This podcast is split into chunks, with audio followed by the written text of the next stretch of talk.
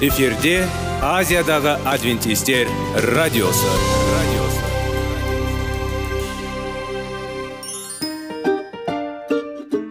сәлем достар. Денсаулық өмір бұлағы және біздің бірінші байлығымыз демекші денсаулық сағаты рубрикасына қош келдіңіздер. Біздің рубрикада біз әртүрлі факторларменен мәліметтерменен кеңестерменен бөлісіп шын жүректен сіздердің дендеріңіз сау болғанын қалаймыз. Сол үшін біздің рубрикаға қош келдіңіздер. Дайындалып тұрыңыздар. Өйткені келесі минуттарда қызықты фактілерге ие боласыздар. Енді достар ең бірінші байлығымызды қолымызға алып алға кеттік.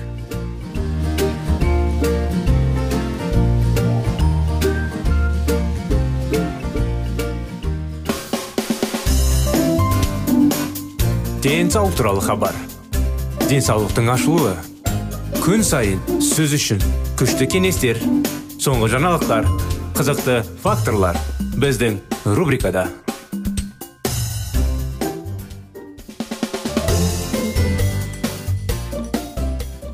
Армысыздар құрметті достар құрметті біздің тыңдаушыларымыз сіздермен бірге қытай зерттеулер тақырыбы денсаулық сағат бағдарламасында. Тақырыбымызды ары қарай жалғастырамыз. Өсімдіктің ішіне кіретін және күн сәулесін химиялық энергияға айналдыратын электрондарды мұқият бақылау қажет. Егер олар дұрыс траекториясынан бас тартса онда олар зауытқа айтарлықтай зиян келтіретін еркін радикалдар жасай алады. Бұл атом реактронның ядросында реактивті материалдардың бос радикалдардың ағып кетуіне ұқсас бұл қоршаған орта үшін өте қауіпті болуы мүмкін. Бұл зауыт осындай күрделі реакцияларды қалай басқарады және қажетті траекториядан ауытқан электрондар мен еркін радикалдардан қорғайды. Ол жоғары белсенді заттарды сіңіретін ықтимал қауіпті реакциялардың айналасында қорғаныс қабағын басайды. Қабық антиоксиданттардың тұрады. Өмір сүретін электрондар әйтпесе олар курстан ауытқып кетеді.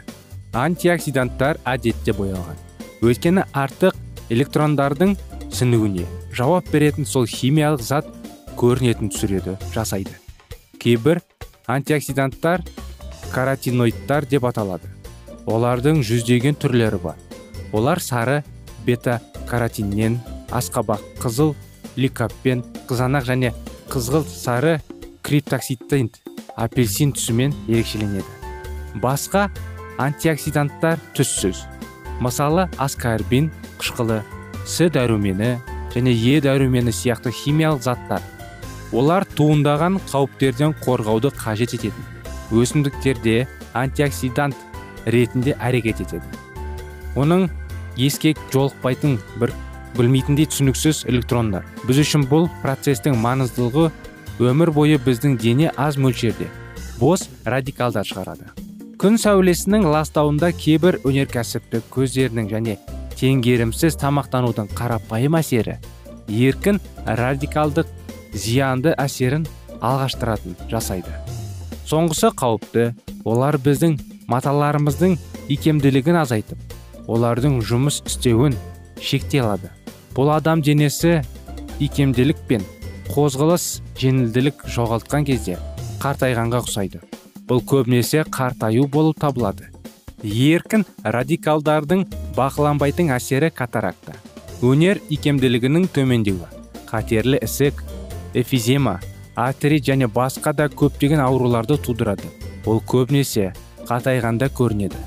Бірақ бұл жерде бізді аулау күтіп тұр. Біздің ағзамыз бос радикалдардың зиянды әсерін болдырмау үшін қорғаныс қабығын жасамайды. Біз өсімдіктер болмағандықтан біз фотосинтез жүргізбейміз және осылайша өзімізді антиоксиданттар шығармаймыз. Бақытымызға орай өсімдіктерді антиоксиданттар біздің ағзамызда. Өсімдіктер сияқты әрекет етеді. Бұл керемет үйлесімділік. Өсімдіктер антиоксиданттардан қорғаныс қабықтарын жасайды және сонымен бірге әдемі табетті ынтандырылатын түсіндіретін арқасында оларды өте тартымды етеді. Біз өсімдіктерді сұлулығына қызығып өз денсаулығымызды сақтау үшін антиоксидантты қорғаныс қабықтарын алу арқылы оларды жейміз. Сіз құдайға эволюцияға немесе кездейсоққа сенесіз бе? Маңызды емес бірақ сіз бұл табиғат даналығының керемет дерлік табиғаттан тыс көрініс екенін мойындауыңыз керек. Қытайлық зерттеу барысында біз с дәрумені мен бета каротинді сондай ақ с дәрумені е дәрумен және қандағы каротиноидтардың деңгейін өлшеу арқылы организмдегі антиоксиданттардың құрамын бағалады. Осы антиоксиданттық биомаркерлерінің ішінде с дәруменімен байланысты әсерлі дәрілерді болды. С дәруменімен қатерлі ісік ауруының ең маңызды байланысы оның мөлшерімен байланысты болды. Онда байқалы бейімділік төмен бита деңгейінде баста қан осы отбасыларда жоғарылып тұндау ықтималдығы с дәруменінің төмен деңгейі мен қауіпті жоғарылауы арасындағы айқын байланыс байқалды. Лейкемия сондай ақ низофаринс сүт безі асқазан бауыр өкпе тік және тоқ ішек қатерлі ісігінің пайда болуы. Бұл қытайда қатерлі ісік ауруының болатын өлім туралы сюжет шыққан нова телебағдарламасы продюсерлердің назарын аударған өнеш қатерлі ісігі телебағдарлама біздің осы қабылдастың себептерін анықтау үшін өз сауламаңызды ұйымдастыруға шақырады. Жеместерді жеу арасында кері байланыс байқалды. Оның ішінде біз көбінесе с дәрумені мен өнештік қатерлі ісігін аламыз. Жеміс жидек тұтыну деңгейі ең төмен жерлерде қатерлі ісік. 5-8 есе жиі пайда болды. Ишемиялық ауру гипертониялық жүрек ауруы және инсульт үшінде. Осындай өзара байланыс байқалады. Осылайша жемістерден с дәрумені алу белгілі бір ауруларға қарсы күшті қорғаныс құралы ретінде қызмет етеді. Антиоксиданттардың басқа көрсеткіштері қандағы альфа және бета карантин деңгейі а дәрумені прекурсоры сондай ақ альфа және гамма текоферол е осы химиялық заттардың әсерін нашарлатады. Мұндай антиоксиданттарды қанда тасымалдау нашар. Холестеринге төзеттің липопротеиннің көмегімен жүзеге асырылады. Сондықтан біз осы антиоксиданттардың деңгейін өлшеген сайын біз зиянды биомаркерлерді уақытша өлшеміз бұл коронның оң әсерін анықтау үшін біздің мүмкіндіктерімізді төмендететін тәжірибелік ымырауға келу болды. Мен такеферол тіпті мұндай әсердің бар екендігін белгілі болғаның кезде. Алайда біз ұйқы кезінде асқазан қатерлі ісігін жоғарылауын байқалдық қандағы бета каротин деңгейі. Осындай анықтама бізбен сіздің назарларыңызға құрметті достар бүгінгі күнде. Бағдарламамыз аяғына келіп жетті. Жалғасын келесі жолы жалғастырамыз. Сол уақытқа дейін сау сәлемет болыңыздар.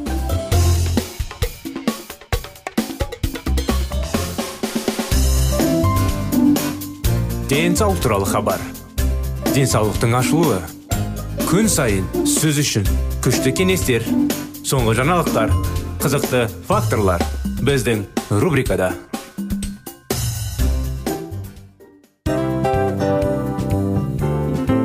Әуелі байлық денсаулық екінші байлық он саулық үшінші байлық ақ жаулық. Ал енді осындай радио парақшадан кейін не дейміз?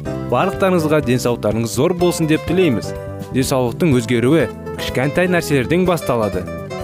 Осымен біз берген кеңестер мен мәліметтер шын жүректен сіздер үшін қандай да бір болсын жәрдем берді деп үміттенеміз. Тыңдаушыларымызбен келесі радио парақшасына дейін қоштассамыз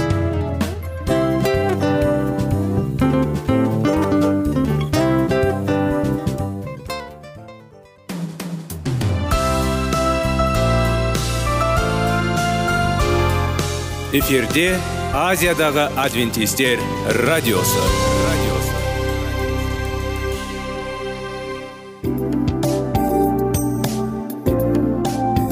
Сәлем достар. Барлықтарыңызға шын жүректен сөйлесек рубрикасына қош келдіңіздер деп айтпақшымыз. Шын жүректен сөйлесек бағдарламасы әртүрлі қызықты тақырыптарға арналған. Шындығында шын жүректен сөйлесек деген сөздің мағынасы екі достың екі адамның ортасындағы шын жүрекпен сөйлесуі бір біріне сенуі ашықтық пен шындықты білдіреді. Сол үшін біздің бағдарламалар әртүрлі қызықты тақырыптарға арналған. Дайындалыңыз жаңа қызықты мәліметтерге ие болуға. Ондай болса кеттік.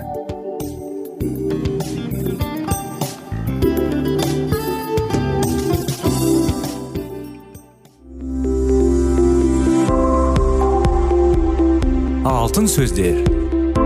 Сырласу қарым қатынас жайлы кеңестер мен қызықты тақырыптар.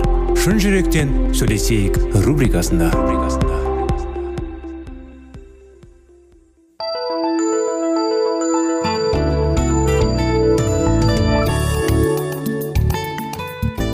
Армысыздар сәлеметсіздер ме құрметті радио тыңдаушыларымыз сіздермен бірге шын жүректен сөйлесейік бағдарламасы. Қош келдіңіздер сіздер назарларыңызға керемет 25 неке оқиғалары. Сол оқиғаларды жалғастыра кетсек сол бір мезгілдің эмоциялық және рухани ауру адам төзгісіз болып көрінеді. Бұл қорқынышты уақыт болған еді. Бірақ ол тек бір маусымы ғана созылды. Ал маусымдар өзгере берді. Жабысықтайтын түн болды. Ал таң атпай бізді қуаныш тосады дейді жаратқан құдай. Қазір сол кезең бізге шынайы емес тәрізді болып көрінеді. Осы кезең қандай да бір басқа жұптардың өмірінде болған тәрізді. Құдайдың рақымының себебімен біз құдайдың құрметтейміз деп қойған өз мақсатымызды орындауды адал болып қала бердік. Өзіміздің сарандығымызды шынайы өкініп тәубеге келу және жаратушы иенің даналығына мойынсыну арқылы біздің некеміз бен сүйіспеншілігіміздің нығайып ұлы күшке дейін өсе бастағанын біз көре бастадық. Біздің өмірге деген көзқарасымыз біздерді сол бір қиын мезгілден өткізген біздің әуждемелейтін күштердің бірі болған еді. Біз өмірімізге жетпіс немесе сексен жылдағы уақыт аралығы іспетті қарамаймыз. Біз оған мәңгілік болашақ ретінде қараймыз. Жетпіс немесе сексен жыл бұл мәңгілікпен салыстырғанда ол тек бір сәт қана. Келе жазба біздің исаның айқыш ағашқа деген қарым қатынасымыз біздің мәңгілікті қай жерде өткізетінімізді анықтайды деп үйретеді. Алайда біздің масқішілер ретінде өмір салтымыз біздің мәңгілікті қалай өткізетінімізді анықтайды. Құдайдың шәкірті исаның елші былай деп жазды. Содан жігерлі болып осы тәнімізді тастап иеміздің қасында орнауға қалаймыз. Барлығымыз мәсіхтің төрелік жағынан тағынан алдында тұрып әшкерелеуімізге тиіспіз ғой. Сонда әрқайсымыз тәндік өміріміздегі іс әрекетіміздің жақсы жамандығына қарай лайықты болғанымызды алатын боламыз. Бұл жерде шәкірт сенушілерге қарап айтады. Өйткені құдайға сенбейтіндер өз денелерін қалдырған кезде олар құдайдың қаттысатын жеріне бармайды. Шәкірт иса мәсіхтің құтқарушы рақымы арқылы құдайдың жанұясына келген адамдарға қарап жүгінеді. Біздер оның алдына келетін боламыз және қабылдаған барлық шешімдеріміз бойынша біз сенушілер бола тұрып қалай өмір сүргеніміз жағында оған есеп береміз. Мәсіхтің сотының шешімі бізге не? Мәңгілік сырларға немесе мәңгілік шығындарға алып келеді. Немесе біздің өміріміздің барлық себебі еңбегі жанып кетеді. Не болмаса мәңгілік сыйды аламыз. Тіпті исаның жанында мәңгілік бойы билік құратын боламыз. Осы іргелі доктринаны ілімді білу біздің беталымсымыздан қайтпауға көмектесті. Біздің біреуіміз де исаның тағынан алдында оның некесінің аяқталуы жақсы еңбегін қор қылдындағымыз жөнінде біздің ешқайсымызда есеп бергіміз келген жоқ. Құдайдың соты жайында көбірек оқу үшін. Күйеуімнің мәңгілікке ұмтылғандар кітабын оқыңыз. Құдайды құрметтеуден кейін. Оның басына қарағанда біздің жолымыздың соңында бір бірімізді бекемдеу сүйіп өту біздің екінші мақсатымыз болды. Осы мақсат қиын уақыттарда және отырып бізді алға қарай баса беруге және де тіпті біз махаббатты сезінбейтін болсақ та бір бірімізді сүйіп өтеуге мәжбүр етті. Сүйіспеншілік дегеніміз бұл өз еркімен шешім қабылдаған және әдетімен бекітілген екі серіктестің де сұрап және құдайдан алған рақыммен күшейтілген мәсіхшілердің некелерінде мықты одақ. Олар тіпті бір біріне ұнамаған сәттерде де бір біріне деген осы сүйіспеншілікті бастан кешіре алады. Әлбетте біздің бір бірімізді ұнатпаған уақыттарымыз да болды.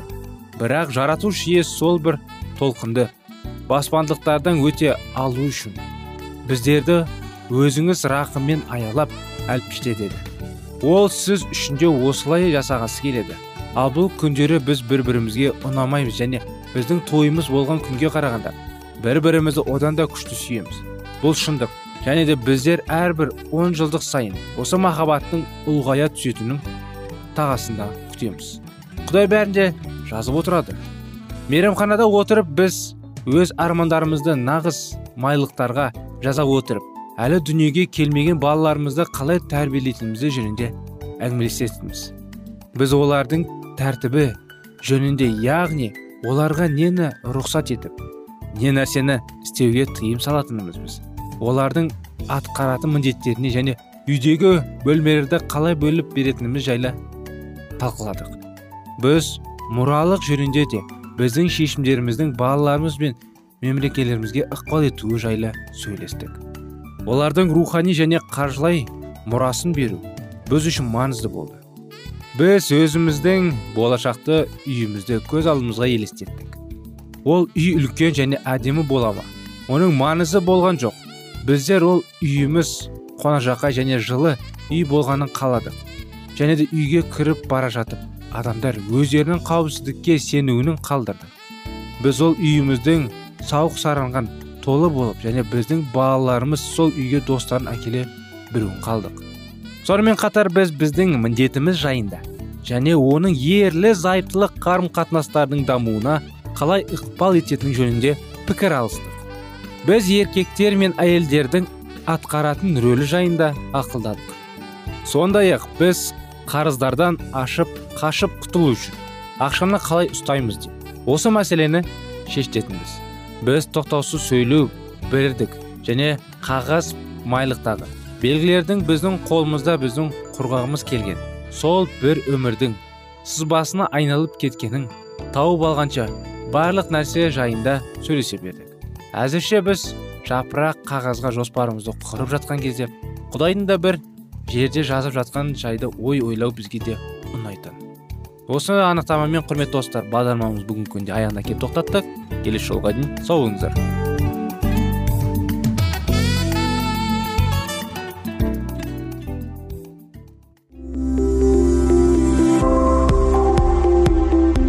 алтын сөздер.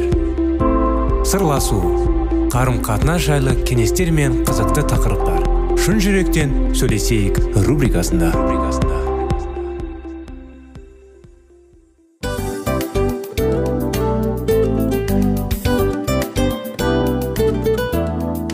Құрметті достар барлық ең соңғы кеңестер аяқталған соң біздің программамыз соңына келіп қалды. Осы біздің мәліметтер осы рубрикада айтылған әрбір сөздер сіздерге өзінің қандай да бір пайдасын алып келді деп шын жүректен сенеміз. Және бұдан да көптеген рубрикаларымыз бар. Басқа рубрикаларымызда біздің зерттеулерімізде сіздер үшін тағы да қызықты мәліметтер дайын. Біздің шын жүректен сөйлесейік парақшамызда көптеген әдістер ең соңғы кеңестер адамның нравственность жақтан моральдық жақтан тазалап байыта тұрған соңғы кеңестердің барлығын жанарады. сондықтан алдыңғы күндерде бізбен бірге болыңыздар. Өйткені барлық қызықтар алдыда. Бізбенен бірге болғандарыңызға үлкен рахмет. Келесі кездескенімізше сау сәлемет болыңыздар.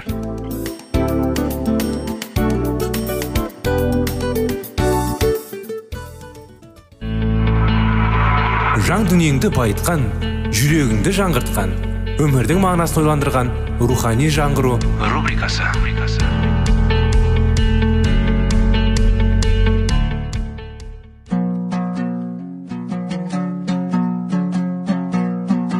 Ассалаумағалейкум біздің тыңдаушыларымыз. Келі кітаптың шындығын ашып берген қысқа бағдарламасына қош келдіңіздер. Барлығынан жоғары жаратушы біздің қарыңғылықта жалғыз қалдырып қойған емес. Өйткені ол келешекте не болу керек екенін киелі кітаптың парақтарында ашып береді. Немесе келіңіздер бізге қосылыңыздар. Жаратушы бізге нен ашып бергенін зерттейміз. Роберт антикинс өзінің лондонда өткен уағызында ғибадатханалардың осы сорақты күйін жақсы сүртеді. Англияның рухани құлдырауын жетесіне жеткізе айыптады.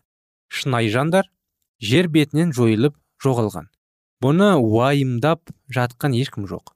Оларға кезекке келгендер өз қателерін көрмейтін. Оны ешқашан мойындамайтын тоғышар қызметкерлер. Себебі олар зұлым әлемге иімделіп алған.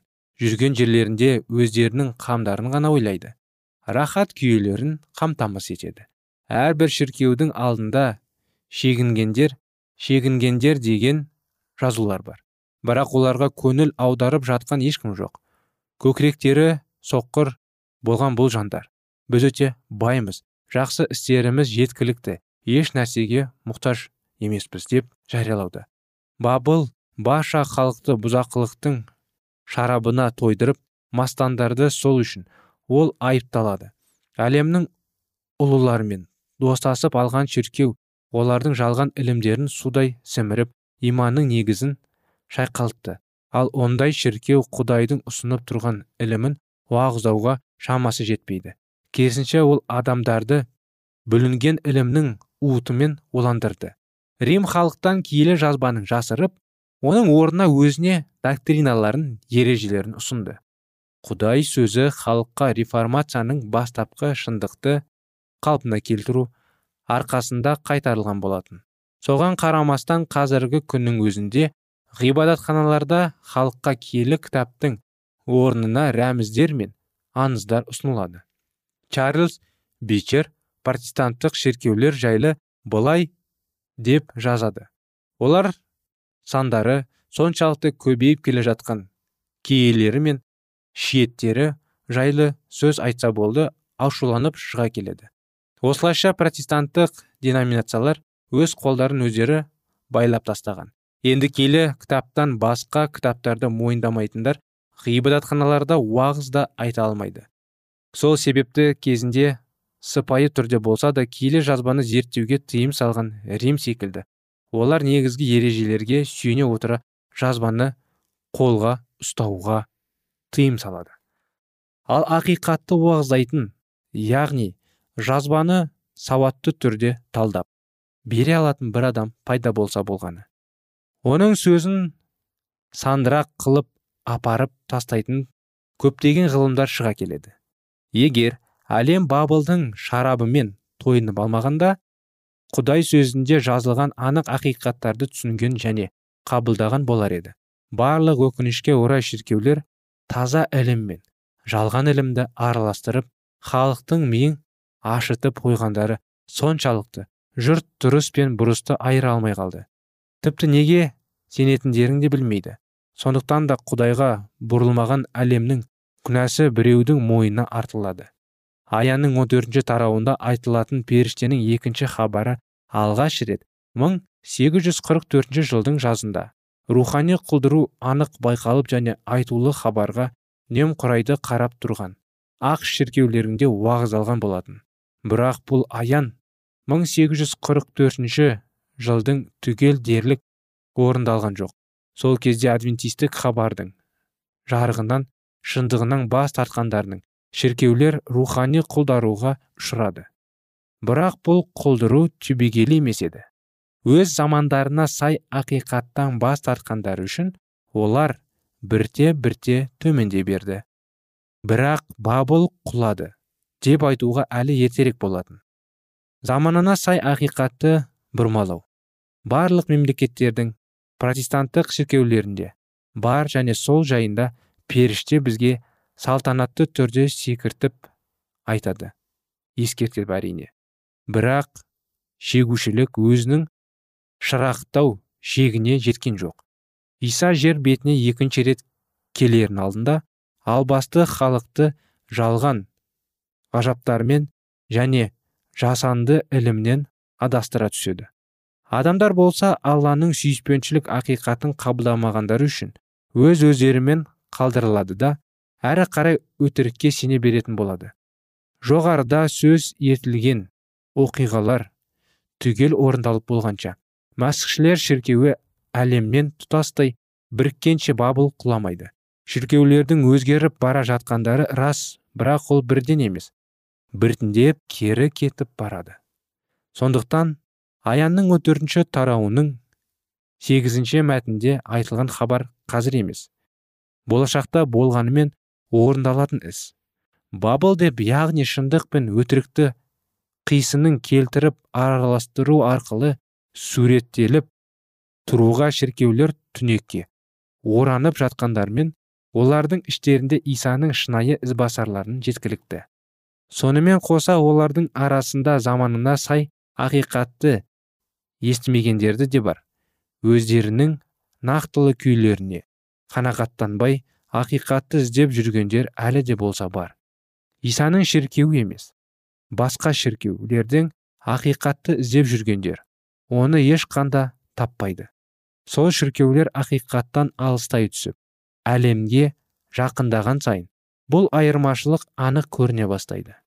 Дәл сол кезде исаның ізбасарларының бірыңғай бөлініп шығатын уақыт та келді. Опасыз сатқын ақылсыз қызба кеуде көтерген. Олар құдайдан гөрі ләззат ермекті артық көрді. Олар сырт көзге құдайға ұнайтындай болып көрінгендермен оның күшінен бас тартады деп. Тимотиге жазылған екінші хатында төртінші және бесінші аяттарында мәтіндері арқылы сипатталып тұрған уақытты міндетті түрде туады. Аянның 18 тарауында берілген ескертулердің үш мәрте бас тартып шіркеудің екінші періште хабарлаған күйге түсіретін туралы жазылады. Бұл әлемге берілетін соңғы хабар болмақ. Сонда ақиқатты сүймегендер өтірікке алданып қараңғыда қалғанда бабылда жүріп ақиқатты аңсағандар халқым менің бабылдан шығындар деген дауысты естиді. Сол кезде жаппай бөліну басталады. Ақиқатты таза ниетпен еңбектеніп жүріп іздегендер оны міндетті түрде табады. Ал жалған дүниенің қызығына тоймай жүргендер құдайдың рақымынан құр қалады.